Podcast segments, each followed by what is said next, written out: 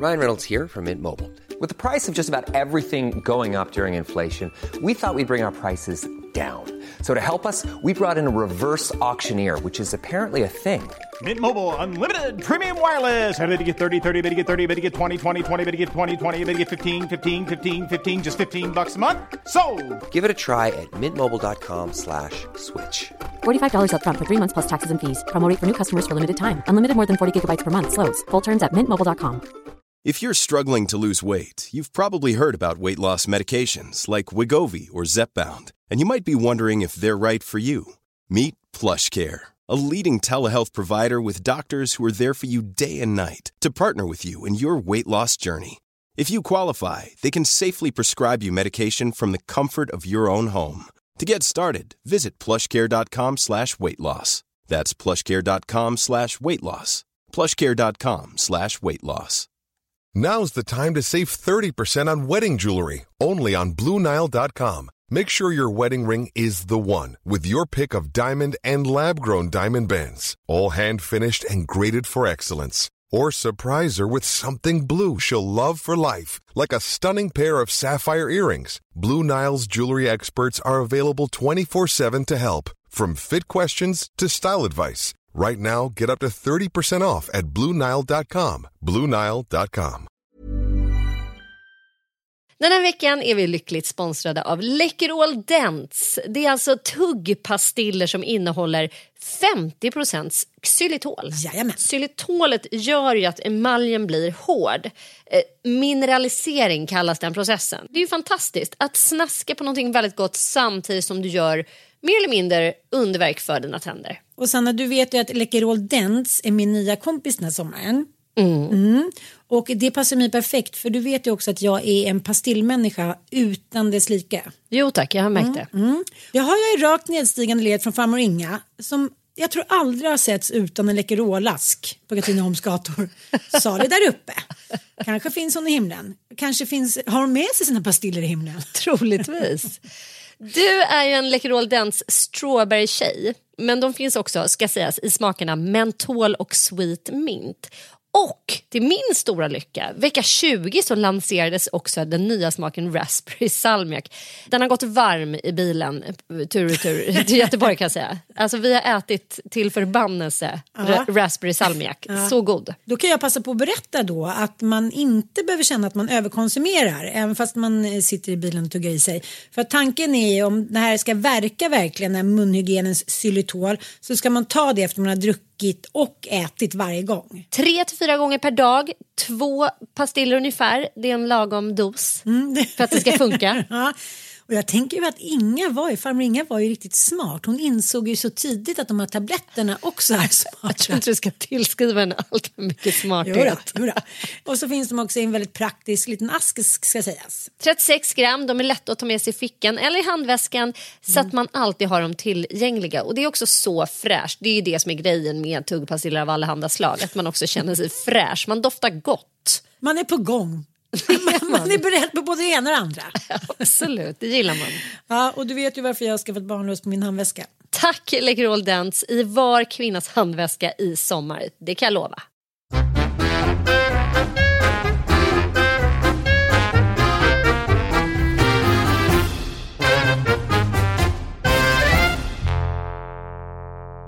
Jajamän. Jajamensan, här kör vi på. Det är fullt upp va? Det är fullt upp. Du kör någon slags poddrally här. Vad heter det? Poddmaraton. Ja, det blev så idag. Eh, Men det är härligt. Man får snacka av sig lite. Det är ju lite så du vet när man har... ehm, du vet? Men när alla barnen, eh, de veckorna jag har alla fem. Då, man hinner liksom inte med så mycket konversationer. Det är mer så här, va? Hur kan du inte säga att du hade, vi har kommit överens om att du skulle berätta när du hade prov. Sorry, jag visste inte. Alltså det är mycket liksom eh, slackery deck snack med, med tonåringarna tycker jag. Eller fel kalsonger, som ska andra kalsonger ska fram och det, det ska ätas. Ja, du vet. Det, det är liksom, det är inte så mycket så här sköna, långa dialoger med vänner om man säger så. Ja. Nu ska jag bli besatt av den tunna blå linjen det var ju jag som fick in Jag på det. vet. Eh, Jag har sett alla avsnitt nu. Har du? Ja. Jag har, jag har faktiskt inte kollat på den sedan vi kom hem. Ja, jag Så jag har hela veckan här nu så jag ska ta igen. Nej, men jag tycker att det är så fascinerande där när någonting känns som att det faktiskt är på riktigt. Alltså förstår du? Jag tycker sällan att jag känner det med tv-serier. Jag känner så här, ja ah, jo så blir jag lite irriterad på liksom känslan vid middagsbordet och så blir jag liksom lite irriterad på det och det. Men den här gången så har jag bara blivit irriterad på en enda grej. Mm, vad är det då? Men Jens, polischefen, den härliga Ja. skäggisen. Eh, han ligger ju i skilsmässa. Ganska tragisk Mm. skilsmässa. Hans fru har ju träffat någon annan och ligger och pippar med honom hela tiden. Han ringer och han tänker så här, nej men ja, vi tar väl en liten paus här och sen blir vi ihop igen. Mm. Han kämpar för sina barn och han kämpar, han är liksom, försöker vara en superchef. Och, nej men så här, han är så här, the good fucking guy, förlåt. Det, är så här, det, det finns ingenting bakom där. Han, han, så här, han kämpar hårt för, för allt han tror på. Och så har den här frun då som har träffat någon. Och eh, ja, till slut så kommer det fram. Och sen så eh, en dag senare så har den här nya mannen då, eh, Marco, flyttat in i deras hus med barnen. Mm. Och då kommer han hem dit och så här, gapar som en fisk och säger, jaha är den här snubben den här? Tja, fan vad fint alltså. Underbara barn du har. Ja, men lite som en sketch i mammor liksom. Att man kommer hem Mm. och ska hämta sina barn så står det så här råhet superkändis som liksom boffar på ens fru. Det, det förstår jag, det har ett humoristiskt syfte. Men i en Mm. så här autentisk dokumentärliknande tv-serie att man så här, är över 40, eh, man har träffat en ny snubbe och dagen efter man har presenterat honom då, eh, då har han flyttat in och så säger man till sin ex-snubbe som han har tre barn med.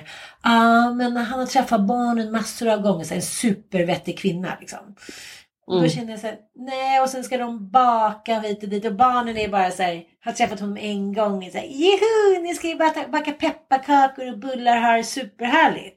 Jag bara, det Mm. måste ju finnas någon som skriver manus som vet att när man skiljer sig och den ena inte vill så är det bara en lång plågsam pågående Golgata. Det är inte bara så att barnen tycker så här, gud vad kul, en kul snubbe som mamma verkar eh, vilja ligga och hångla med och de pussar så här och hånglar framför honom. Jag är så här, okej. Ja, men då är man ju världens ondaste människa. De flesta träff... Jag har ju kompisar som har varit tillsammans med sina män och gifta med dem som inte har träffat ex-männen på tio år. Eller är det bara Mm. jag som är känslig? Skulle du göra så? Alltså skulle man någonsin säga som att jag skulle stå och så här, pussa Mattias framför Nanook. Nanook kommer upp och så här, bär, en, bär en dator liksom. Då, så här, då börjar jag hångla med Mattis och kladda lite på honom. Alltså det är ju så här, det faller på sin egen rimlighet. Så det var ju faktiskt det enda som störde mig i hela den här serien. Men ville man inte skildra den här kvinnan då som lite så här gränslös och eh, Alltså kan det inte vara en sån grej att man har skrivit in det liksom i karaktärsmood? Alltså inget ont om min exman men han är ju så här, vill ju inte träffa mig utan att ha sin nya fru Karin med. Så har det ju varit liksom sen jag och han separerade. Olga var ju fyra då. Ja. Och han, han det, det vart liksom som något slags emotionellt skydd tror jag. Mot Ja. mig och mot vår relation. Det är så här, nej om vi ska ses då vill jag att Karin ska vara med. Man bara, ja ja men okej då. Liksom. Alltså, det var ju helt bisarrt. Men, jag tänker på det nu så Vad efteråt. som helst, här, vi ska träffas och eh, lämna över barnen eller var det mer så här? Vår skilsmässa var ju liksom allt annat än, nu var ju inte vi gifta, men vår separation. Den är ju allt annat än det som vi får, vi var ju inne på det här för ett par poddar sedan när vi åkte tåg. Att liksom vår, dels så här, kultur men influencers också skildrar så här, separationer på ett sätt som påstås vara så jävla problemfritt. Att så här, kolla på, på oss! Jag tänker framförallt på Katrin och Bingo. Liksom. Åh, vi är så problemlösa och kolla här är Alex och vi är som en enda stor härlig stjärnfamilj som de säger och så här. Och de som inte har en härlig stjärnfamilj, de håller käften om det. Eh, då tänker jag till exempel på så här, framförallt Margot Ditz då och hennes eh, gamla ex Jakob. Alltså som ger varandra små offentliga sådana så här äh, tjuvnyp emellanåt. Det handlar ju framförallt om exponeringen av deras barn. Och eh, nu sist skrev hon att hon välkomnar den här debatten som pågår just nu då om influencers eh, användning av sina barn i marknadsföring. Det var en stor artikel i DN om det eh, igår där faktiskt Anita, din eh, andra poddpartner, eh, uttalade sig väldigt bra tycker jag och också tyckte att det är på sin plats att man, eh, att man ifrågasätter stora företag liksom, som bara ser det här, tar det här för givet. Och sen tycker jag också att Elsa Crafoord som faktiskt är min dotters eh, kusin, Elsa Kygelberg kanske hon heter för övrigt. Hon eh, skrev en, eh, en, ett inlägg om det här också i, eh, om det var DN eller Svenskan. Där hon också tycker att det här är så här, det här är för första gången som kvinnor kan ta betalt för att kunna vara hemma med sina barn. Varför ska vi så här, var fan ska vi liksom skjuta dem för det? Det är också typiskt att så fort kvinnor börjar göra business på någonting som de aldrig har fått betalt för förut. Då ska vi bara så här mörsa ner dem, krossa dem. De ska för fan inte få liksom, vilket jag, jag håller med henne så hårt om det. Det perspektivet att så, här, så fort någon ska försöka göra business på någonting och jag anser helt ärligt att man absolut eh, kan exponera sina barn på ett sätt som inte är skadligt för dem. Jag är helt övertygad om det. Tycker bara att det är, eh, man ska, alltid ska dra saker till sin spets. Nu helt plötsligt ska man så här, komma på att det här är livsfarligt. Bara, nej det är det inte. Alla exponerar sina barn på det här sättet. Sen kan man vara känd eller okänd.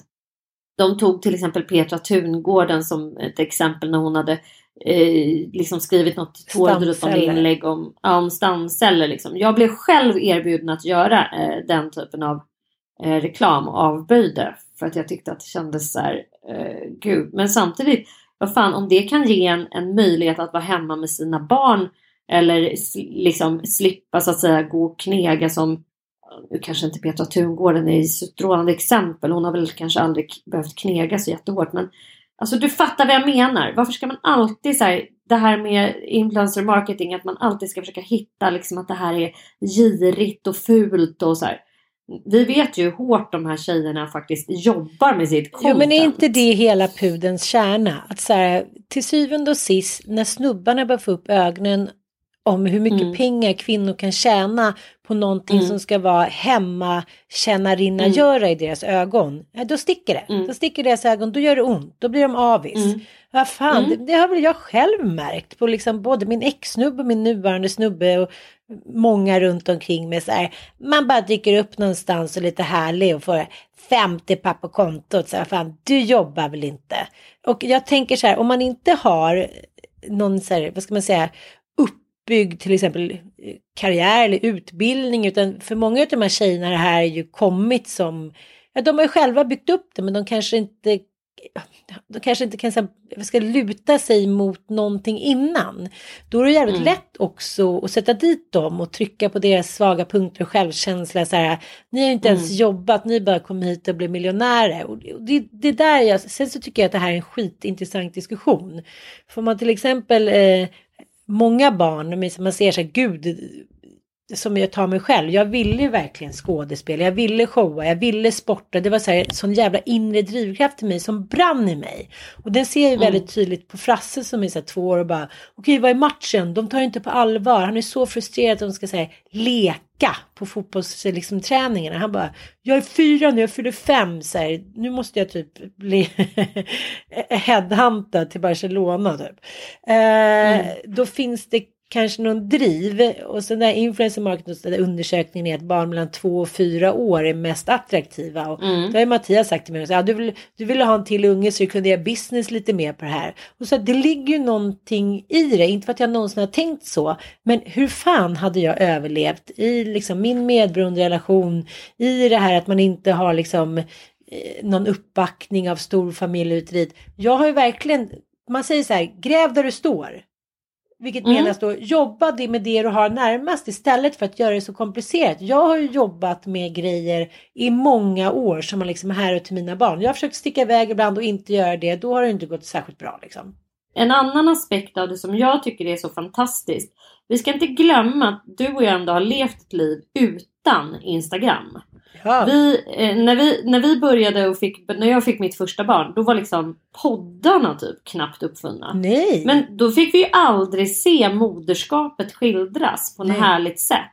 Man fick se så här en förlossningsfilm när man läste, eller liksom så här, Eh, man fick se Gudrun Schyman föda barn Mm. på liksom, barnkunskapen i nian. Och man bara okej, i övrigt så kände man Med att så här, fokus på moderskapet, blod och liksom bajs typ. Ja, förlåt. Ja, det var absolut ingenting som var sexigt, det var ingenting som var eh, åtråvärt utan tvärtom så var ju under liksom, 90, slutet av 90-talet, tidigt 2000-tal så handlade det liksom handlade det bara om att man skulle riva av det där satans moderskapet. Man skulle inte behöva njuta av det utan barnen skulle in på dagis så att man själv skulle kunna jobba och själv förverkliga sig och göra karriär.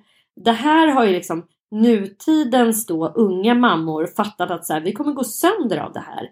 Det här är inte ett alternativ för oss. Vi vill vara med våra barn. Vi vill njuta av att ha familj. De värnar ju liksom familjen på ett sätt. Och har då hittat olika sätt att kunna leva på eh, att vara mamma. Alltså titta på de här unga mammorna som är så här, de är både sexiga, de, de har barn. Bianca Ingrosso är så här, jag har alltid sett mig själv som mamma innan jag är 25. Nu har jag ekonomiska förutsättningar för det. Varför kan jag inte få ett barn? Hon sitter, det, det, det har ju varit en stor grej att hon har gjort slut med sin kille då tydligen. Och hon vill då typ nästan skaffa liksom eh, ett barn på egen hand. För att hon ska få göra det här liksom.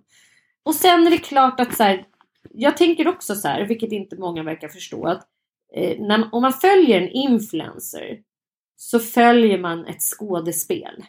Det är eh, en person som har, eh, Blondinbella tycker jag är ett exempel, för där tror jag verkligen att alla kan förstå att det där inte är Isabella Löwengrip i hennes så att säga, privata sfär, utan hon har ju byggt upp en persona som går ut på att hon är någon slags businesswoman, hon åker runt i flotta liksom miljöer, lyxplan och liksom, hon, hon har ju verkligen byggt upp en persona som, det, som jag tror är ganska långt ifrån hennes privata jag. Och eh, hon har också bestämt sig för att inte exponera sina barn och det tror jag hon har gjort jävligt strategiskt. För jag tror inte hon vill bli en mamma. Jag tror att hon vill vara liksom en... Hennes varumärke ska stå och falla utan hennes barn.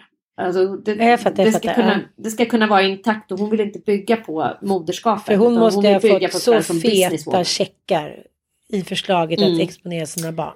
Alltså, Ja, hon har ändå lyckats håva hem en och annan krona tror jag på barnförsäkringar och sådär. mm. Men, men eh, andra personer som bygger sin, eh, sitt varumärke på att just vara den här eh, moden. Lite nästan hemmamamman. Jag tänker så här, Elsa Billgren, de här som vi har diskuterat förut. Sofia Woods, Elsa Underbara Billgren. Klara är väl Underbara ändå det mest Klara. framskjutande Mm. exemplet.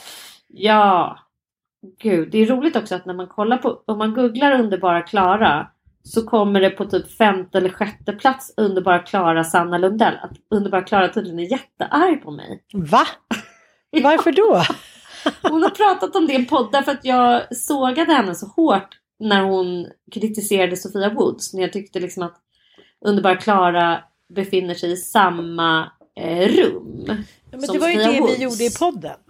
Ja, jag vet. Ja. Det, det har hon tydligen irriterat ihjäl sig på. Hur jag har kunnat beskriva henne som en hemmafru.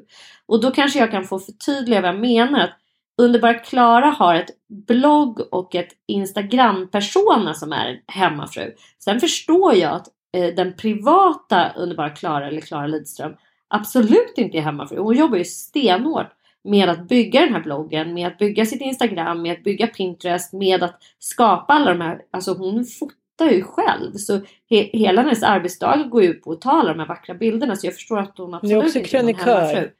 På Jo, hon är krönikör. Men hon bygger ju ett bloggpersona som eh, handlar om att hon är en, bor i en småstad ute på landet. De har småskaligt jordbruk. Hon har, är hemma med sina barn. och Hon liksom lämnar inte iväg dem på dagis i onödan alldeles för fort och så vidare. Så att bloggpersonat är någonting annat än, än det privata. Och det, det, det hade jag hoppats att mänskligheten hade begripit eh, nu vid det här laget.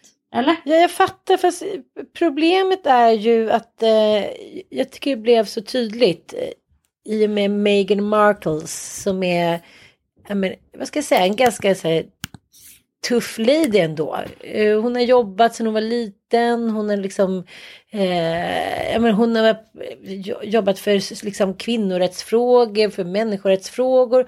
Hon, är liksom, hon var känd, hon eh, var liksom älskad av, eh, hon, liksom en hel, ja, hela USA älskar ju henne. Hon säger. Och sen så skulle hon då träffa sin blivande svärmor då. Ja, ah. Queen Elizabeth. Och är så här, Åh, vilken gullig liten tanta Lora, typ så här. ja, men glöm inte att niga så här. Det är lite liksom kutym. Hon bara, va? Vadå, då ska man niga för drottningen? Det var så här, som att man ser, amerikaner ser liksom vissa traditioner utifrån. Dels för att de inte är uppvuxna med det. För henne var ju det här en Disney-saga. Hon skulle träffa en liten påhittad Disney-tant. och då kan man tycka så här, nej men herregud, så jävla naiv kan väl inte eh, en kvinna, liksom en så världsvan, erfaren kvinna vara. Men jag tror ofta att, att människan är mycket mer naiv och liksom tror på sagor eller på häxor om du förstår om jag förenklar det. Att, att det man ser är liksom what you see is what you get. Jag, jag blir ofta förvånad över det. Eh, ja. Människans naivitet liksom, fortfarande in i 2021. Så, ja men då är det så. Det, är, det är väl så hela liksom, Trumpismen är uppbyggd, att ingen kollar fakta. Man bara, han sa det. Han sa att det skulle bli så att vi skulle då, de vita människorna skulle bli ännu rikare. Alltså, vad han än säger så, så tyck, tror de på det och tycker det är fantastiskt för att de ser honom som en förebild. Liksom. Ja. Så det är svårt det där att man hela tiden tänker att folk ska tänka så här, ja men då får man väl kolla upp källan, det förstår man att det är bara ett skådespel särskilt nästkommande generation som följer många av de här tjejerna, de är också uppvuxna med den här hittepåvärlden liksom. Och eh, det pratade vi om förut i relationer, att man ser en liten glimt av de här kända vackra paren. Och Så tänker man så här, hur fan kunde de hitta så rätt? Vet du, jag ska säga det, jag och Mattis, vi skulle vara det lyckligaste, kåtaste, eh, roligaste föräldrar. Vi skulle vara helt fantastiska om vi bodde i ett fett hus i Kalifornien vid stranden, hade två nannies, någon som lagar nyttig mat, han behövde inte känna stress från ekonomi. Jag vet att vi skulle vara, vi skulle se ut sådär på varenda jävla bild, vi skulle skratta mot varandra, vi skulle säga sport. Tror du det? Ja, jag tror verkligen det. För, Men det, då, då tror du att lösningen ligger i att man har ekonomiska tillgångar. Och då, jag, jag tycker ändå att det har kommit en del röster som... För oss just eh, nu skulle det vara det på grund av att det... Fast det vet du ju liksom inte. För du har ju inte kanske haft så mycket pengar så att du kan uttala om det. Jag förenklar ju såklart att jag inte skulle bli världens lyckligaste människa. Men jag tror att initialt så skulle vår relation eh, skjuta i höjden av riktigt bra ekonomi. Ja, det tror jag. Ja men det, det, tror jag, det tror jag är en dröm som jättemånga människor dröm, äh, närs av. Sen ska men då du gå tillbaka. Ju, ja men då kan jag ju rapportera lite från andra sidan. Uh Eftersom jag känner en del förmögna människor, det gör ju faktiskt du också. Och jag kan säga att människor som är förmögna, som, inte, som är ekonomiskt eh, eh, oberoende. Jag har aldrig träffat på så mycket olycka som där. Alltså både självmord, beroendesjukdomar, eh, depressioner och sen så kan man ju fråga sig vad det beror på. Men jag tror verkligen att människor, när man inte har mål för dagen, när man inte har en så tydlig eh, plan att så här, vi måste fixa det också idag. Vad ska vi göra med våra liv? Hur ska vi göra för att kunna eh, bygga upp någonting? Jag tror känslan av att vi bygga upp någonting och att ha små delmål och att eh, liksom ha projekt tillsammans att vi två ska göra avgörande, livet lite avgörande bättre. Jag tror det är avgörande. För att leva. Ja. ja. Och att då som så här, eh, alltså jag kan verkligen förstå den typen av psykiska ohälsa som Meghan Markle och eh, prins Harry, alltså jag kan alltså jag hatar grejen att säga vad fan gnäller ni om? Där sitter du med så 20 miljoners bröllop och Alltså det här är en annan typ av så här, total tomhet som uppstår i människors liv när man har allting och man får sin frukost bokstavligen serverad på silverfat. Därför att det, det, det är så få utav oss som någonsin ens kan relatera till det. Men jag kan verkligen förstå the, the, the total emptiness som uppstår i det. Precis, men, men jag kommer ju inte från att ha blivit serverad eh, liksom med silversked. Utan jag kommer ifrån så här, ja, men slitit ganska hårt för att så här, försörja mina barn. Och, alltså, nu ska inte jag heller låta, det har ju också kanske gått enklare än för många andra. Men jag tror, eh, det pratar ju folk om och vi måste också eh, hinna prata om eh, Eh, Hanna Hellqvist eh, DN-krönika som jag tyckte var totalt omskakande i helgen. Jag har aldrig nästan eh, sett en kvinna skriva om smuts och skam och att förlora kontrollen över sitt utseende och sin kropp och sin doft som hon gjorde i DN. För att om man tar till exempel, nu en helt eh, barock jämförelse, men om man tar till exempel Kerstin Thorvall då som skrev om sex på ett sätt som ingen svensk kvinna har gjort förut. Och eh, hon skrev att hon hade lust, att hon tröttnade på männen som inte kunde tillfredsställa henne. Hon ville liksom knulla med eh, män i andra länder, med yngre män. Hon ville liksom leva liv, hon ville dansa och knulla det var det, och jobba. Det var det som gjorde henne lycklig. Ungefär mm. de tre så benen som de flesta eh, män med lite makt eh, har stått på i varenda jävla liksom i hundratals år. Och hon fick mm. alltid leva med så här kåtkärringen, galningen. Hon hade så mycket epitet. Hon, hon, kunde aldrig på något sätt leva. Hon fick ju aldrig människors respekt. Det har hon ju fått i efterhand kan man väl säga liksom. Mm. Och eh, för att avsluta den diskussionen så tror jag att det handlar om om man kommer från någonting och plötsligt får det lite bättre ekonomiskt och då, då menar jag inte att det behöver vara så att jag är mångmiljardär utan man, så här, man kan bo bra, man, man, man behöver inte vara orolig för att bet, liksom, betala hyra, man kan leva guldkant på tillvaron hit och dit. Då är ju det en större, det säger ju varenda forskning att så här, just att vara orolig för ekonomin, det, det, det förstör ju väldigt, väldigt många relationer. Liksom. Så det var det jag ville komma till, att det kan hjälpa. Sen om jag skulle gå omkring och, och leva liksom, och inte behöva jobba, det skulle jag ju aldrig klara av. Förstår jag menar? Att jag här, skulle sitta instängd typ på Buckingham Palace, då skulle jag ju liksom ärligt talat också må så jävla psykiskt dåligt. Nej men jag tror också att även om du har mycket pengar mm. eh, så skapar det en form utav, alltså så här, varför ska jag jobba för?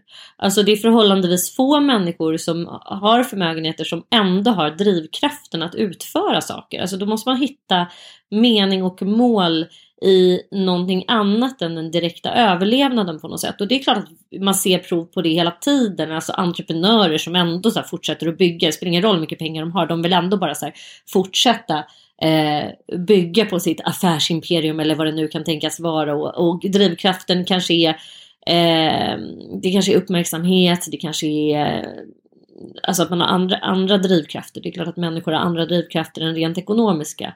Men, men många har bara den ekonomiska drivkraften. Och då blir livet jävligt tomt. Alltså det finns ju såklart jättemånga aspekter av det och det här blev en sjukt lång utläggning. Mm. För vet du vad jag aldrig av... Vad jag aldrig, vi bara, det här var ett sånt sidospår men vi pratade om Eh, vi började ju prata om min och Willes separation. Ja. Och att, är, att de sorgliga separationerna och de smutsiga separationerna aldrig skildras i eh, sociala medier. Och då tänker jag att jag kan ge prov, för jag tror inte våran eh, separation angående den där tunna blå linjen. Jag tror att vår separation är, var ganska, är ganska representativ för hur folk faktiskt har det. Vi separerade ju och ingen, vi var inte vänner och man kan väl säga idag att vi har någon slags eh, kam, hyfsat så här eh, kamratlig inställning till varandra men väldigt på distans och på väldigt liksom eh, får absolut inte komma för nära. Och när vi separerade så han ville ju inte träffa mig överhuvudtaget. Han ville inte ha någon relation, han ville inte prata i telefon.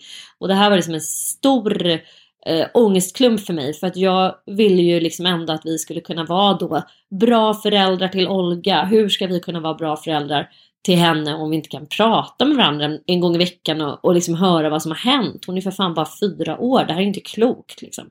Vi hade ju varannan vecka då och eh, eh det, det, det var sjukt eh, infekterat var det. Men, men sa eh, han Alla klart och tydligt, precis som Nanook gjorde, så här, jag vill inte ha någonting med dig att göra den närmaste tiden, jag klarar inte det.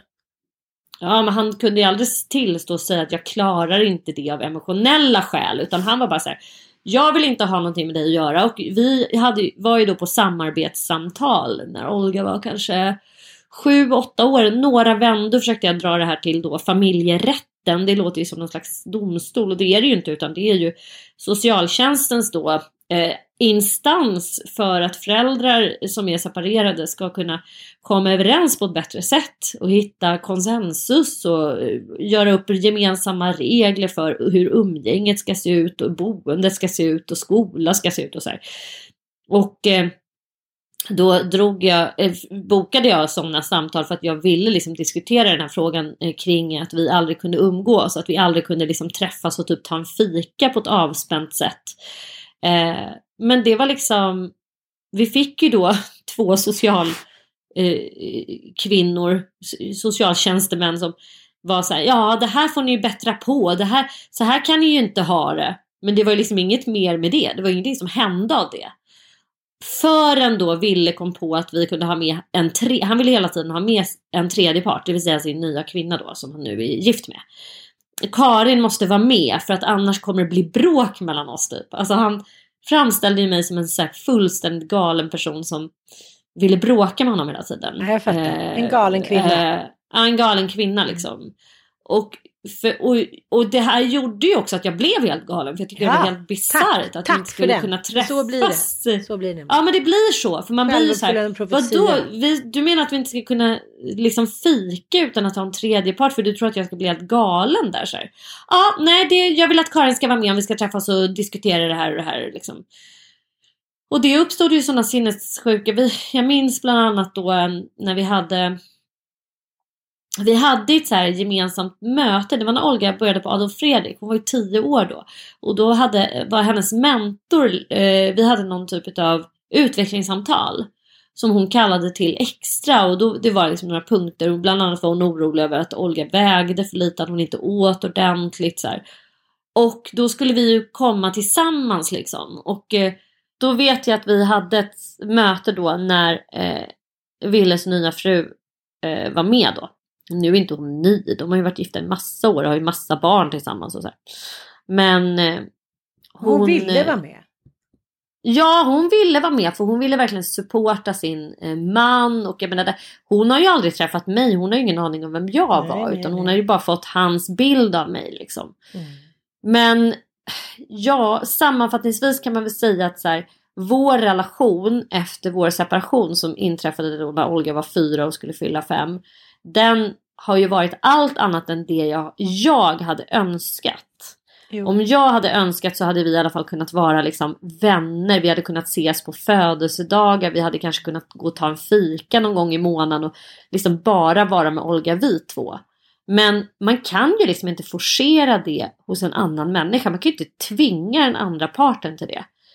Eh, utan han var såhär, nej, vi, eh, han har varit benhårt eh, mot hela det konceptet. Mm, mm. Han har velat vara ett vi tillsammans med sin nya fru och hon ska då också vara med på våra möten liksom eh, som vi ska ha. Eller på samkväm och sånt där. Nu har vi ju verkligen haft minimalt med samkväm. Första gången han, de var hemma hos oss var ju på Olga student. Ja, då, och då eh, i min lägenhet i stan var han ju aldrig. Alltså han ville ju aldrig komma hem när det var liksom jag som hade då födelsedagsfiranden och sånt där. Så att ja, nej det har varit en, det har varit tycker jag en, om jag ser tillbaka på det så här, nu är det ju som det är och eh, det har väl fallit väl ut med tanke på att vårt gemensamma barn ändå verkar må väldigt bra och har, har klarat sig bra. Men jag tycker att det är ett misslyckande och jag tycker att det har varit en enorm sorg att vi inte kunde sköta det där snyggare. Och för min del så vet jag att jag har gjort allt jag kunde för att det skulle vara annorlunda. Men det är omöjligt att få till det om man det inte har den andra partens vilja till ja. det. Ja. Och, och jag är tyvärr i samma situation som du är. Jag kan ju bara mm. sätta copy-paste på allting men med att vi kanske har försökt någon gång till i den här familjerätten. liksom ånyo provat lite här för något halvår sedan. Men vet, ja. du, vet du vad det är som jag har kommit fram till? Eller jag har inte ens kommit fram till det. Det är bara en känsla i min kropp. Jag vet inte, vi har pratat om det där förut att man ibland som kvinna, man ska vara så här, en god mor. Man ska, ja men apropå hela den här Insta-grejen, en god mor. Man ska vara en god väninna, man ska vara god, god, god. Man ska aldrig gå över gränsen, man ska alltid liksom ha kontroll. Man får inte dricka för mycket, man får inte göra det för mycket, man får inte vara för kåt, man får inte bla bla bla. Och så bara känner jag så här till slut när jag också tycker att jag har provat allt. Att jag känner så här, jag skiter i det. Jag blir den galna kvinnan då. Låt mig bli det. Låt mig så här, ja, Ja. typ. Varför skulle det vara så hemskt? Ja. Om någon tycker att jag, om, min gamla exman, en person som jag träffat under ett helt liv på 43 år, tycker att jag är en galen kvinna, då får han väl tycka det. Ja, på det vilka det jag- incitament? Då ja. måste jag gå på det. Måste, är hans bild av mig eller hans idé om mig, är det verkligen det som ska driva eh, min egen självbild? Och där, där måste jag säga att jag har haft sjukt stor hjälp av eh, hela det medberoendearbete som jag har gjort. Att så här, släppa taget om vissa relationer. Och också inse att nej jag behöver inte vara älskad av alla. Jag behöver inte vara vän med alla. Alla behöver inte tycka att jag är en ultrabra person. Det är helt okej liksom att eh, vara älskad av vissa och, och man kanske inte vill vara hatad men liksom att så här, nej men jag- förstår du, jag behöver inte vara omtyckt av alla. Nej, men jag vet, jag förstår den insikten. Men det som jag så här, tampas med just nu, när jag senaste, ska säga så här, senaste månaden har haft den där känslan lite som ett barn som är så här, är helt fritt och inte behöver ta någon så här känslomässigt ansvar utan kan vara så här, tre år gammal och bara nu gör det ont, jag blir ledsen eller jag är hungrig eller jag blir arg sådär. Lite den känslan har liksom ockuperat min kropp. Att eh, jag, jag, bara, jag kämpade, jag gjorde allt, jag bara sliter och sliter och sliter år efter år i snart 19 år. Och nu är det så här, okej. jag har gjort det här bra. Efter bästa förmåga har jag slitit för mina barn. Om han aldrig kan stå vid min sida i det här, då kan han stå själv där borta. Och då försöker inte jag säga lisma och säga vad gulligt, vad, vad schysst. Jag bara så här, nej. Men vad roligt då, du betalade ju ingenting. Alltså, vet, jag orkar inte, jag bara säger sanningen. Säger så här, det är så här det är. Och det är inte att jag hittar på eller är vara extra taskig. Det är bara så här, du sa att du skulle göra det, du gjorde inte det. Då får vi skita i det, ha det bra. Jag orkar liksom inte gå in i det. Jag orkar inte så här, och det här är ju ingenting som jag säger till barnen. Men det är klart att någon gång har något mejl hamnat fel och de har läst liksom att vi är upprörda. Men det som jag är mest fascinerande över är att jag fortsätter med den här kampen år efter år.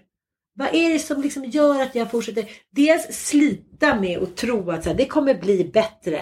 Och han kommer så här, steppa upp och stå vid min sida och tycka också att så här, vi ska träffas på födelsedagar. Den kampen har jag helt gett upp. Men samtidigt som jag gav upp den kampen så ger jag också upp kampen om att vara vuxen.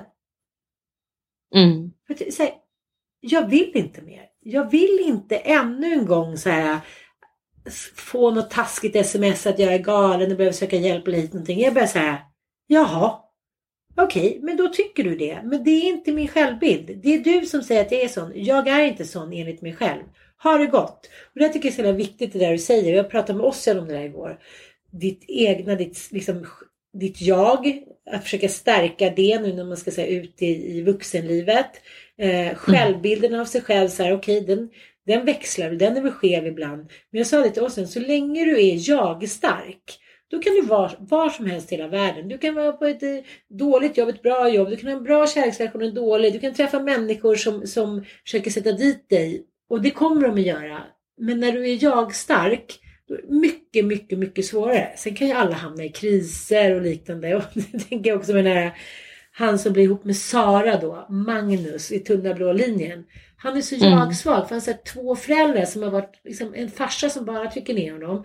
En knarkande syrra som bara duperar mamman och pappan hela tiden. Han får liksom aldrig plats. Han bara kämpar och kämpar men får ingenting tillbaka mer skit. Att han säger du är polis, du är inte ens bra på polis. Han får bara skit. Och det, det är också det, det vidrigaste man kan vara med om. Att man, säger, man sliter som ett djur, man försöker göra det bästa. Men man får ändå ingen cred. Mm. Och då i relationer kan vem som helst tycka till en. Vare sig det handlar om man, man jobbar, chefer kan, kan säga så här, det här var inget bra jobb eller du är inte värd det här dit. Man bara, nej, nej. På just, och det märker man ju det här medberoende, det, det är det det handlar om. Man är jag-svag för man har inte tillräckligt stark identitet. Och så kände jag så här, jag orkar inte vara jag-svag i den här relationen. Och då bara så här, när man äntligen då får släppa taget så överdriver man ju. Och det är det jag menar. I, om man tänker så här. Ja men jag kommer, det kommer aldrig gå. Det kommer fan aldrig gå. Och då blir det så här. Då bryr man sig inte. Förstår du vad jag menar? Och det är det Hanna Hellquist skriver i sin krönika. Hon skriver så här. Jag flyttade till Grums, tog över min pappas hus. Det var ett år sedan. Sen i stort sett har inte jag träffat en människa förutom typ mina djur. Ja. Ja. Hon skriver liksom om det mest skamfyllda som en kvinna kan skriva om. Att man då tappar kontroll över smutsen. Mm. Och det är så jävla intressant för hon säger så här. Jag går upp på morgonen. Jag, ibland sätter jag på mig trosor, ibland inte. Jag orkar liksom inte gå bort till byrån och hämta ett par rena trosor. Vem fan bryr sig? Mm. går ut, det är bananflugor i köket, det är gamla intorkade kaffekoppar, hönsen har fått flytta in, de har skitit sönder mattan. hennes hår går inte att reda ut, hennes mamma ringer och är orolig. Så här, men ska du inte komma över och duscha? Så här, hon bara, fan stinker jag eller? Hon åker till den där studion i Karlstad där hon bor och sitter där och snackar över länk. Hon åker tillbaka till sitt hus, hon käkar en jävla middagsrätt och tänker så här, snart kommer jag måla den där bänken och snart kommer det komma mina vänner komma hit. Och så kommer det hem någon till henne som ska fixa någonting med något rör. Och så inser hon så här, men gud jag bor ju för fan i en svinstia. Och luktar jag. Och han vill då, han så här, kan man få en kopp kaffe? Helt plötsligt så blir det tydligt i, i någon annans ögon med de här men du vet, skiten på golvet, bananflugorna, all disk, att hon Mm. typ luktar. Hon bara säger, den skammen när man då ser sig själv genom någon annans ögon, när man kanske tänker så här, men jag ger upp. Jag kanske, kanske aldrig ens kommer komma hem någon hit igen. Och där kommer man då in på det som vi pratade om, den psykiska ohälsan, att man är så här, om, om ingen annan bryr sig, varför bryr man sig själv då? Alltså det, är så här, Mm. det blir så tydligt om det där. Det är ju sån jävla moralsk diskussion och feministiskt. Så här. Man skulle aldrig röka fittan om man, om man inte var ihop med en kille. Man skulle aldrig, man skulle aldrig vara fin för någon. Nej men vadå, vem ska man... när man är bara med sig själv. Mm. Så att jag, jag, jag tycker det där, det där är liksom svårt tycker jag. Just det där bilden av sig själv. Att man alltid ska vara sansad, alltid steppa upp. Till slut så orkar man inte längre. Jag, jag bara orkar inte vara exet som är förstående och bara kämpa vidare. Jag har kämpat nu så måste jag säga, fan, du har tagit hand om oss i snart 19 år. Nu måste du få skörda lite. Men jag kan inte skörda om jag har liksom någon som jag hela tiden är arg på. Jag orkar inte vara arg på honom längre. Jag är så här, skit i det då. Och så skriver jag bara precis vad jag tycker och sen är det inget mer med det. Jag går liksom inte in i den där jävla känslan av att vara den svikna kvinnan. Som har kämpat Mm. på. Det är så här, okej. Lex Kerstin Thorvald jag vill ligga med yngre killar, jag vill inte vara gullig med något ex. Alltså förstår du känslan? Man blir liksom man blir fri av det på något sätt. Känner inte du så? Mm. Sen, sen kan jag skämmas inför barnen och känna sorg. Så här. Det är ju ingen bra förebild. Jag vill att hon ska gå ut i livet och se på kärlek som någonting som vuxna Ja. kan hantera. Alltså det är väl Så det jag inte kan känna för Olgas del. Ja jag vet att så här, Ja. jag, jag känner att så här, jag har ändå försökt på så många olika sätt att så här, kan vi ha en relation på det här viset? Kan vi göra på det här viset? Om jag bara gör precis som man vill, blir det bra då? Om jag slutar säga ifrån när jag tycker att han är knäpp. Liksom. Vi, våra konfliktpunkter har ju bland annat handlat om att jag tyckte att det var för mycket att ha varannan vecka med ett barn som var så litet som Olga var när vi separerade. Jag ville att vi skulle ha 2, 2, 3, 2, 2, 3 och det tyckte han var helt sinnessjukt. Det ville han inte för han hade ju ett barn sedan tidigare som ville ha varannan vecka. Det gick jag med på. Sen så fort vi har hamnat i lägen där vi ska då välja skola, eh, dela på sommarveckor, alltså alla de här praktiska överenskommelserna.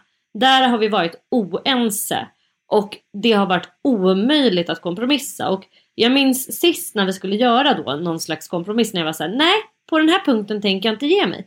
För att nu har du fått bestämma skola, du har fått bestämma eh, att vi ska ha varannan vecka och inte två, två, tre. Du har bestämt att vi ska byta på fredagar och ingen annan dag. Egentligen allting som vi har varit tvungna att, komma överens om har jag varit tvungen att så här, ge med mig på och låta dig bestämma. Det här är inte okej längre. Typ att vi ska fira liksom, jag vill inte ha halva julafton, jag vill att vi ska ha hela julafton. Okej, det blir som, som Villa har bestämt. Och när jag konstaterade det när Olga var ganska gammal att så här, allting har ju blivit nu som Ville ville att det skulle vara. Det här är ju helt bisarrt. Att jag har varit så att säga schysst eh, och medgörlig har inte givit mig några fördelar alls. Eh, för han tycker fortfarande att jag är en galen person som han inte klarar av att ha relation med.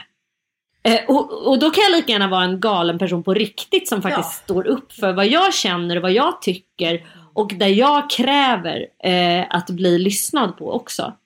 För att eh, utkomsten var eh, liksom densamma.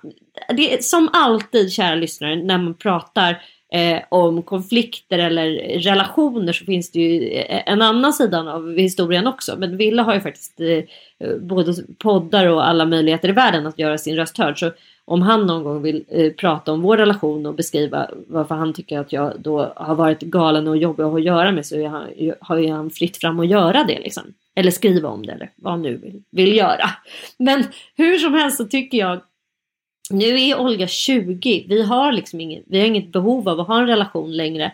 Men jag kan se tillbaka på den här eh, trasiga separationen. Någonting som jag också tror jag tyckte har varit väldigt skrämmande som inte har gjort det lättare för mig som, som också har eh, rädsla för att bli lämnad. Det har ju nästan alla som bär på medberoende. Det är just den här känslan att så här, det gick bra att ha relation så länge vi knullade. Men sen, då, då fanns det liksom inget värde i vår eh, relation överhuvudtaget. Och den tycker jag, den har jag fortfarande oerhört svårt att samsas med.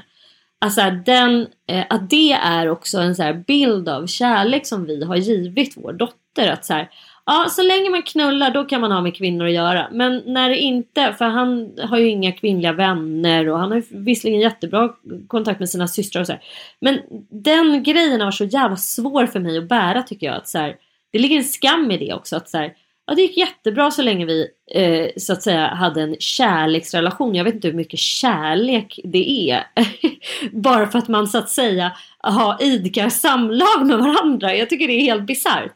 Men att få den att kunna gå över till en, en eh, vänskapsrelation. Jag tycker det är helt absurt att, man, att vi inte i alla fall klarade av att kunna eh, ses och ta en fika. I alla fall spela vuxna och normala inför vår dotter. Jag, jag, jag, det är en stor sorg i mitt liv. Och jag tror att det finns mycket igenkänning för flera här. Att det är liksom inte bara så att eh, om man vill så går det att ha en bra relation. Det, det krävs faktiskt två personer som vill det.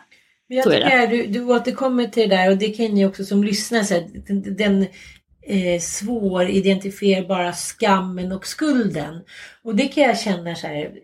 Ja, men när någonting större händer i våra barns liv och jag så här försöker bjuda till. Och, men jag tänkte vi kunde vara här då som, som på Ossians 18-årsdag. Liksom. Så får man bara så här, nej tack, vi har redan bestämt att jag ska fira med farmor. Man bara, du vet, man bara så här, ånyo, gång på gång kommer man med det där så här familjehjärtat och så här, försöker få det att pulsera lite. Så är det någon som bara, innan man ens har gått in i någon så här, ja, okej, eh, det finns ingen vilja till att göra det bästa för barnen. Och det, det, det ser ju inte den här narcissistiska, kanske men, med, med vissa inslag av psykisk ohälsa som alla familjer har då och då. Utan det är bara så här, innan man ens har så här, gett, räckt över det här lilla döda hjärtat som man vill ska börja få pulsera lite. Så har en annan person kastat tillbaka att du spottat på det, bajsat på det och trampat lite på det. Och det Mm. är också en oerhörd skam tycker jag. Som också Mm. inte är min att bära. Att jag, att jag sträcker ut en hand och vill visa för våra barn så här. Ja, men vi är ändå så här ganska relativt intelligenta, starka, bra förebilder på varsitt håll. Men tillsammans blir vi liksom två jävla pajkastande barnungar i sandlådan med sadistiska inslag. Liksom, jag oerhört Ja. Men sen Ja. så blir jag lite rädd för mig själv att nu när jag väl känner så här, jag sänkt garden. Jag bara, jag skiter i det. Hur njutningsfullt det är. Ja. Att inte leva upp av bilden till det förstående exet eller så här, okej men jag kan betala det och så här, nej betala din jävla skit. Jag tycker inte, alltså att jag ger tillbaka Mm. samma mynt. Mm. Det är oerhört kränkande för män. De vet inte hur de ska ta det och då blir det direkt det här, sök hjälp, du borde söka hjälp. Du borde söka hjälp. Det Nej, är det OD. återkommer Det är OD. det. Om de inte får knulla med en, då är man liksom eh, psykiskt sjuk, eh, alternativt redan galen. Eh, det är liksom det, och det är ens fel om någonting går snett. Så hur man än så här Mm. återkommer till allting så är det den där cirkeln som man alltid snurrar runt i, eller djävulsdansen. Att så här, Den, gal, den, den kvinnan som ställer krav är en galen kvinna.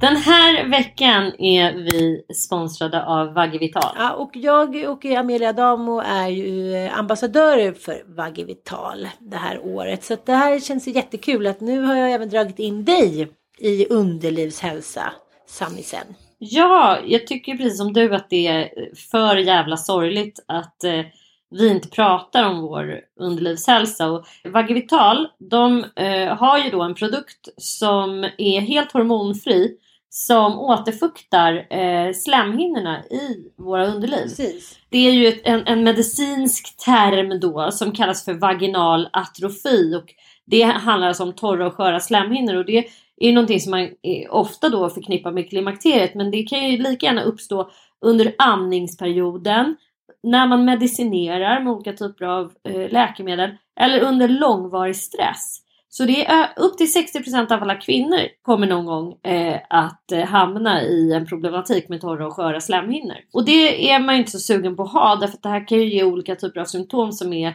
ganska besvärande. Eh, jag tänker på eh, svårigheter med att cykla, rida, det är skavigt, det kan svida när man kissar. Eh, och det kan vara svårt att ha sex förstås.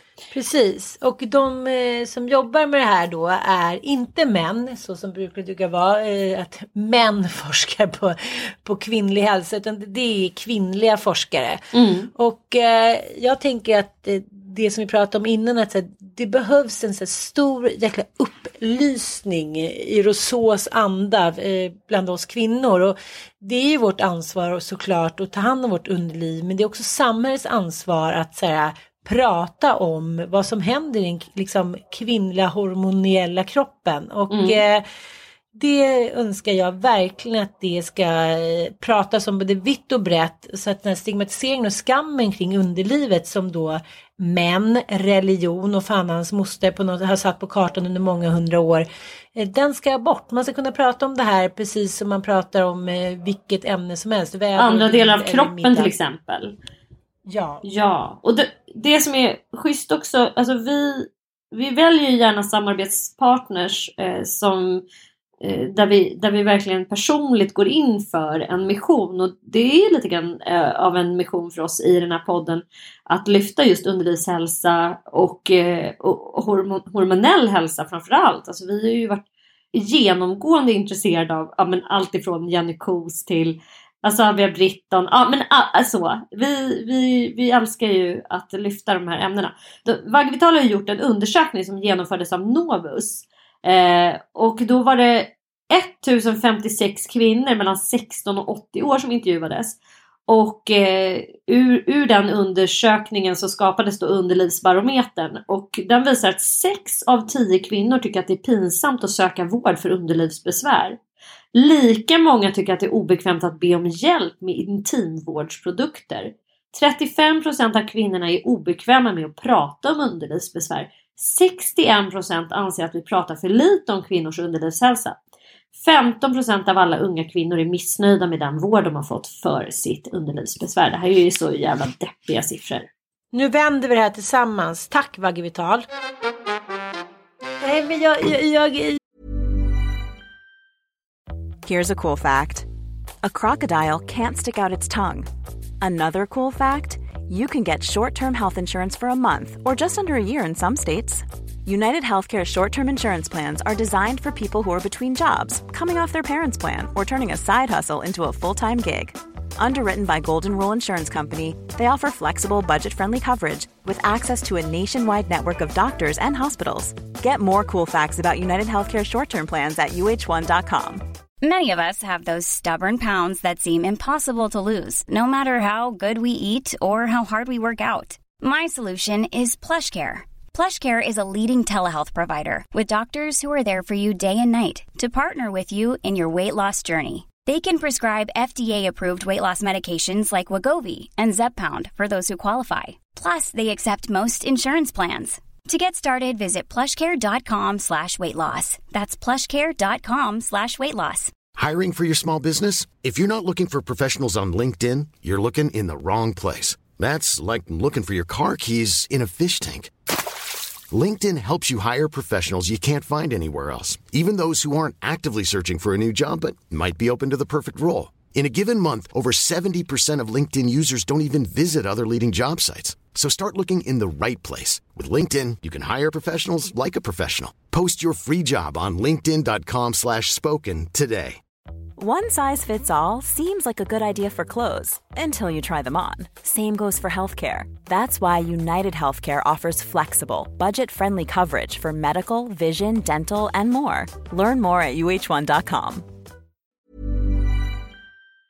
Jag måste också identifiera den här känslan, för, för den är faktiskt ganska ny. Eh, Det här att jag känner mig lite upprymd och ungdomlig och liksom legitimt galen. Att jag är så här, jag går inte in, liksom, jag håller inte på att kasta för mycket skit, utan jag säger bara så här, ja men det kanske är bättre om det blir så och så eftersom det är så och så. Jag bara liksom räknar upp lite en situation och så släpper jag. Kan, du inte, kan det inte vara så här att du också har kommit fram till det här därför att precis som, som jag har konstaterat eh, efter 20 års gemensamt föräldraskap min så att säga timida eh, ja, men hur kan man bäst beskriva det? Nej men den här sidan när jag ska försöka vara med, min medgörliga sida har inte givit mig någon Nej, som helst nej, favör i relationen till min dotters pappa. Mm. Och när man kom, kommer fram till det alldeles för sent så blir man ju rasande Mm. eh, på ett sätt för att man bara har gått med på saker då för att man trodde att så här, om jag bara är schysst här då kommer vi kunna ha en bra relation eventuellt. Nej nej för det fanns aldrig något intresse Mm. Nej, av det. det- det det så varför skulle jag vara Från schysst? Och det har du kommit på nu. Ja. Och det är liksom nu för att du ser också att så här, dina barn är tillräckligt stora för att kunna göra egna konklusioner. Mm. De kan skapa sin egen bild av er två tillsammans. Mm. Och du, jag känner också att så här, nej men som kvinna hade jag behövt visa min dotter att så här, nej sånt här tar man inte. Nej, precis. Det här säger man ifrån. Det här är Nej. inte okej. Ja, Och så och, det är det som Mm. både du och jag tror jag är ett av våra största aber. Att vi har sett våra morsor gå med på massa grejer som man inte ska gå med på. Man ska inte få låta Mm. den andra partnern vara med kvar i härligheten när den inte kan bete sig. Förstår du vad jag menar? Och det här Mm. tycker jag har varit liksom ett så otroligt hinder för mig. Om vi nu ska prata om vilka hinder man ska överkomma för att kunna leva sitt bästa liv och bli liksom en bra mamma, en bra vad fan det nu handlar om. Och det här är mitt absolut största hinder. Och det här har min syster väldigt tidigt på något sätt sett att det här är ett stort hinder. Att den här identifika- identifikationen av hur en relation ska vara. Hon har här tidigt insett att den är fel. Jag, tänker, jag kommer omprogrammera mig själv. Medan jag säger, oj, fallit i samma fälla med så många snubbar att jag är så här, man måste ge, ge, ge och inte få särskilt mycket tillbaka. Och när man tröttnar på det så blir det också en otrolig så här, kamp man ska gå igenom. För då ska man helt plötsligt visa sitt nya gränssättande. Jag säger nej, jag ger ingenting om inte jag får tillbaka. Och då blir det helt plötsligt i relationen sån jävla status quo. Man bara, för den andra bara sitter kvar. Den är så ovan vid att den andra kräver att få någonting tillbaka. Och då blir det helt plötsligt som att ingenting händer i relationen. För att man, den andra vet inte, har aldrig spelat den rollen av att vara den som behöver ge för att få, få så mycket kärlek. Och då blir det också väldigt tydligt hur svårt det är att leva i en relation där man ger mycket mer än får. Mm. Så det är mitt råd. Jag tänker så att man ska försöka sätta sig och identifiera vad man har för hinder. När man liksom börjar en relation, att man ska fan göra en inventering direkt och inte efter så här tio år när man bara I'm so rövfackad. Lite som du känner med ditt ex och säger vad har det hjälpt dig? Ärligt talat, vad har det hjälpt dig att vara den förstående exfrun och modern? Det har tyvärr inte hjälpt dig någonting. Det har bara gett dig icke-favörer och ett jobbigare liv. Mm, det har det verkligen och det har givit mig så här enorma känslor av sorg. Jag önskar att jag tidigare hade identifierat att det här är en vad var det min, jag har en tjej i stallet som eh, hon, jobb, hon är chef. Jag frågade henne lite grann angående min stallkonflikt men då sa hon så här Nej det här är en frusen konflikt. Det vill säga det här är en konflikt där liksom, det, det, det är två parter som inte liksom vill eh, eh, komma överens. Eller det gäller ju framförallt att så här, om en av parterna inte vill det så, så kommer man ju ingen vart. Nej.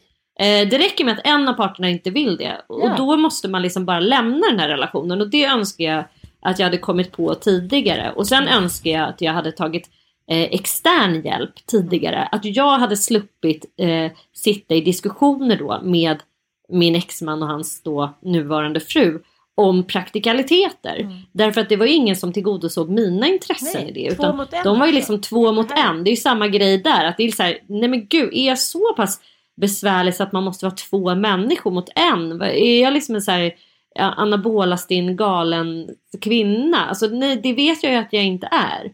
Men utan det handlar ju bara om att så här, två personer kan då eh, mycket enklare eh, göra eh, en röst hörd och så att säga få gehör för den.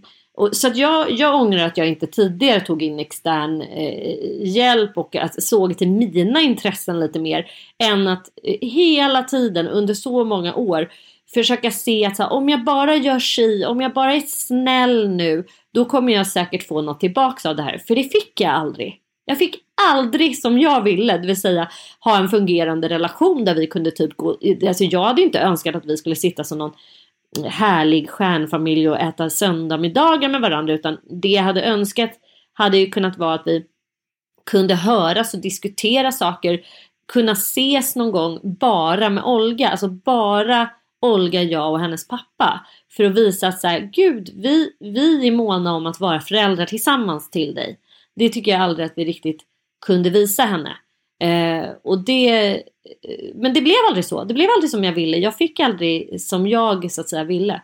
Och jag tror jag har sörjt klart det där. Men jag tänker ändå att det är viktigt att man att vi delar med oss av skitseparationer och skit eh, liksom delad vårdnad. Det är inte alltid kul, det är inte alltid bra. Det är eh, ofta jättesmärtsamt och det finns ju en anledning till att man separerar från folk. Ofta så handlar det inte om att man bara säger kärleken övergick i vänskap. Nej, det handlar om att så här, vi stod inte ut med att leva med varandra för att vi var ett, helt olika varandra. Vi hade inte samma drömmar, inte samma mål. Och ganska så ofta när det gäller kvinnor så handlar det om att så här, jag kunde inte vara ihop med honom för att han var en kvinnohatande idiot. Ganska ofta är det så faktiskt. Och det måste vi också våga så här, ta i. Man är inte misslyckad om man lämnar ett eh, äktenskap eller en relation eh, på de grundvalarna. Utan så här, nej han var en kvinnohatande idiot och eh, vi har ingen bra relation efter det förstås. För att han är inte beredd att ändra på sin inställning. Eh, jag, vill, jag vill eh, absolut säga att jag tror absolut, alltså Ville är ingen kvinnohatande idiot. Just i vårt fall så handlar det om att vi hade väldigt olika syn på väldigt många olika livsområden. Jag var för fan 19 år när jag träffade honom. Han var 32. Ah, han var 32. Och det var faktiskt någonting gulligt han sa till mig. Han var 32. Han var, och jag var 20, 19 och skulle bli 20. Så det var 12 år mellan oss. Men han hade liksom bildat familj, han hade gjort karriär, han hade gjort allt det där. Jag var ju verkligen en tonåring alltså när vi träffades. Och eh, till hans eh, försvar så, så vill jag ändå säga att liksom, han gjorde det bästa och vi hade fyra år som var fantastiska med varandra.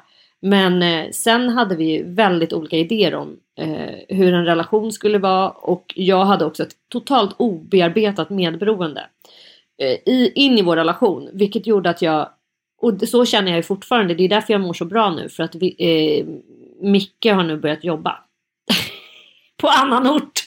Så äntligen så slipper jag gå runt här och ha andra fokus som tar all min energi. Och det är verkligen inte hans fel utan det, det handlar om mitt eh, medberoende och, och mitt grundläggande medberoende som bara ligger latent hela tiden. Att jag har så jävla svårt att, att eh, till återhämtning, till att fokusera på mig själv och mina egna behov när jag har en karaslok eh, ikring mig. Jävligt Sorgligt men sant. Ja. 43 år gammal. Det är sorgligt. Mm. Mm. Men det är som det är. Det går upp och det går ner. Och det finns där hela tiden. Och det gäller ju liksom.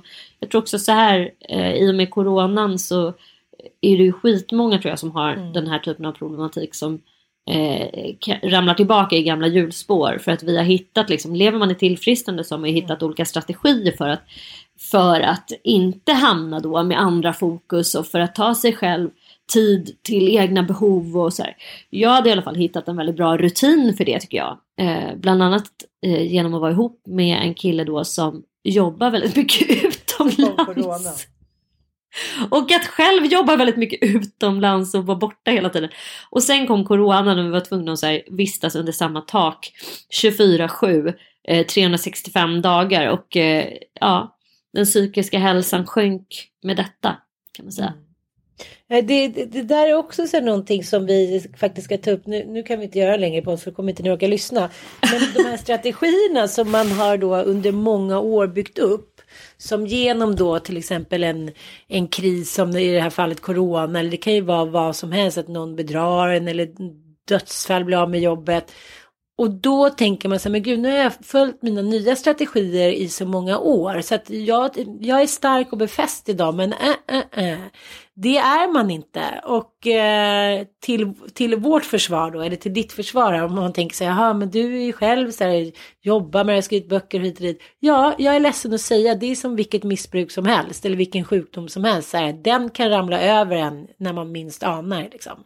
Det går i skov också. Det, det är ofta så att när någonting eh, oförutsägbart händer, som corona, som att din pappa gick bort oväntat, som att liksom det inträffar någon form av kris eller sådär. Det, det är då man, alltså stress aktiverar ju medberoendebeteendena jättemycket. Alltså flykten och känslan av att vilja gå in i andra fokus, att läsa av andra människors behov före sina egna. Och det är väl någonting som jag också kan inse i både min då relation till Ville som präglades väldigt mycket av medberoende men i alla mina relationer egentligen så tror jag Olga speglade mig väldigt bra. Hon bara, men mamma jag tror att du skulle behöva må bra av att vara tydligare. Och jag bara, men jag tycker jag är skittydlig. Jag tycker att jag är det. Men jag inser att i många av mina relationer så, nej jag är inte det. För jag tycker det är så jävla jobbigt att kommunicera mina behov eftersom jag inte riktigt vet vad jag har för behov förrän de uppstår så akut, förrän någon har gått över gränserna, förrän det blir ett så akut behov. Eh, och där liksom, eh, där faller jag i, eh, ner i, i liksom den svarta gropen gång på gång. Att så här, nej men jag tar inte, nej men idag måste jag göra det här och det här. Det behöver jag säga till mig själv på morgonen. Jag kan inte bara så här, när klockan är fem, bara fan jag har inte käkat något idag eller jag har inte gjort det här eller det här. Det enda jag har gjort det har varit det här liksom. Utan jag måste liksom, jag måste förekomma mina behov och ta plats eh, och tid för dem eh, innan de börjar liksom akut gå överstyr. Och det gäller även i typ den här stallkonflikten också. Att jag behöver liksom vara tydligare innan det blir Jag vet. Men det är eh, så en börda för mig. Liksom. på Mattias som är plötsligt klockan fem kan man stå typ hojta in i köket så här. Jag håller på att få panik alltså. Jag har inte käkat något på hela dagen. Och jag, det provocerar mig så mycket. Jag är så här, men vad fan, ta reda på dina egna behov. Stå inte här och skrik som att du vore en 14-årig unge. Mm. Klipp till en själv så här. Oj, hej, nu har inte jag... eh, Ja, vad det nu handlar om. Men jag tänker så här att man... Mm. Man kanske ska tänka så här varje morgon som du säger, skriva upp så här, tre behov som jag har idag som jag ska tillgodose. Det är en rätt smart idé. Det ska jag börja med. Och det ska jag säga till Mattis också. Ja. Ska vi säga i slutet av dagen ska vi säga så här, vilka var dina tre behov? Tillgodosåg du dem? Det är faktiskt ett bra experiment. Det kan ni också vara med Mm. på, eh, kära lyssnare. Att eh, varje morgon skriva upp, man behöver inte skriva upp tre, men ett eller två då. Eh, behov man har och sen ser man på Mm. slutet. För att det är vår autopilot. Jag tycker det är jävligt spännande. Att, att det sägs ju, eller det beforskas ju att 70 000 tankar har en människa varje dag ungefär. Och 10 000 av dem Mm. är medvetna. Då tänker man ju hur, hur länge man har levt och liksom hur mycket man har med sig i bagaget om allt från så här beteende till moral till synen man har på kärlek och relationer bla bla bla. Och de är ju där i sin lilla LP-skiva, sitt rullande liksom pågående så här, motoriska liksom band med så morötter som bara åker vidare. Och eh, om man försöker så ändra på en av dem och försöka göra, medvetengöra den, för det är en autopilot som går på när man blir stressad. Man vet ibland när, när autopiloten Mm. går på, då vet inte, kommer inte jag ens ihåg vad jag har gjort. Och det är såklart ett kroppsminne. Nej, men så Då är det ju. Kroppsminnet så här, det är någonting Mm. som din kropp inte vill att du ska göra. Och där pratar man om den här gamla amygdala och Mm. magkänslan hit och dit. Men, men det är ju liksom bokstavligen kroppen som minns att någon har kört över dig, du har kört över dig själv. Och när det börjar hända igen, ja då kommer det där fladdrande lilla pickande fågelhjärtat. Eller då börjar du svettas, eller då börjar du så här, du fattar inte varför du mår dåligt. Ja, Mm. Det är svårt. Så nu har vi en läxa till nästa gång älskling. ah. Mm. Det har vi. Det, man ska alltid jobba. Det är bara tyvärr sådana här små KBT-övningar som hjälper. När man känner att man liksom... Och sen såklart så tror jag att det hjälper oss också i att så här, om man nu tittar på gamla trasiga relationer, att så här, fan, dels också att förlåta sig själv för att, det, för att man liksom inte visste bättre. Eh, och sen att lära sig någonting av framåt, att så här, ja ja, men eh, man har ett visst ansvar över en relation, men man har ju för fan inte hundraprocentigt ansvar. Det krävs ju liksom, en, den andra 50-procentiga delen måste ju också eh, ta ansvar och vilja att relationen ska funka och göra kompromisser och mötas på halva vägen. Så. Det, det, det är aldrig en persons ensamma ansvar att se till att en relation funkar. Nej, och ibland jag, funkar de inte. Jag vill avslutningsvis säga också att det är mycket i samhället som lägger över liksom, problematiken på kvinnor. Att säga, vi måste stå upp för oss själva. Vi måste ta hand om ditten och datten. Vi måste Mm. sätta gränser och hit och dit. Men om vi ska återkoppla till hur vi anser att vår relation med våra ex har varit. Så spelar det ingen roll om inte Mm. liksom patriarkala strukturer och det som vi tänker på som gör att det är hinder för att män och kvinnor ska leva jämlikt. Men om man har liksom en snubbe som fortsätter att inte steppa upp eller ett ex eller lite dit. Då får man liksom slåss hårt på sin egna planhalva och till slut kanske man tröttnar. Ah, tack för att ni lyssnar. Puss och kram. Tack, tack. Puss och kram.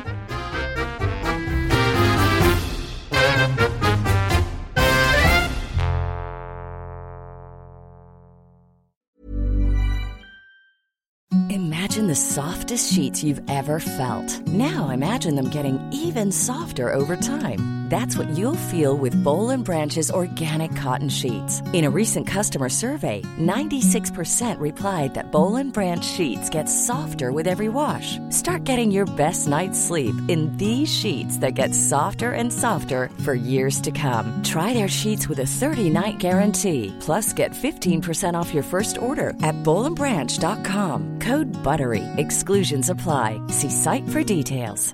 Imagine the softest sheets you've ever felt. Now imagine them getting even softer over time. That's what you'll feel with Bowl and Branch's organic cotton sheets. In a recent customer survey, 96% replied that Bowl and Branch sheets get softer with every wash. Start getting your best night's sleep in these sheets that get softer and softer for years to come. Try their sheets with a 30-night guarantee. Plus, get 15% off your first order at bowlandbranch.com. Code BUTTERY. Exclusions apply. See site for details.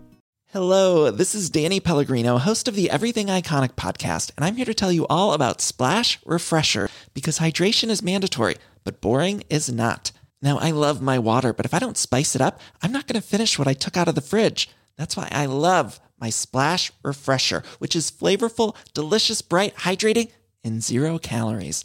The wild berry flavor is my fave. No, wait. Is the pineapple mango flavor my fave? You know what? All five craveable splash refresher flavors are my fave because they're so delicious. So get hydrated and enjoy it with Splash Refresher.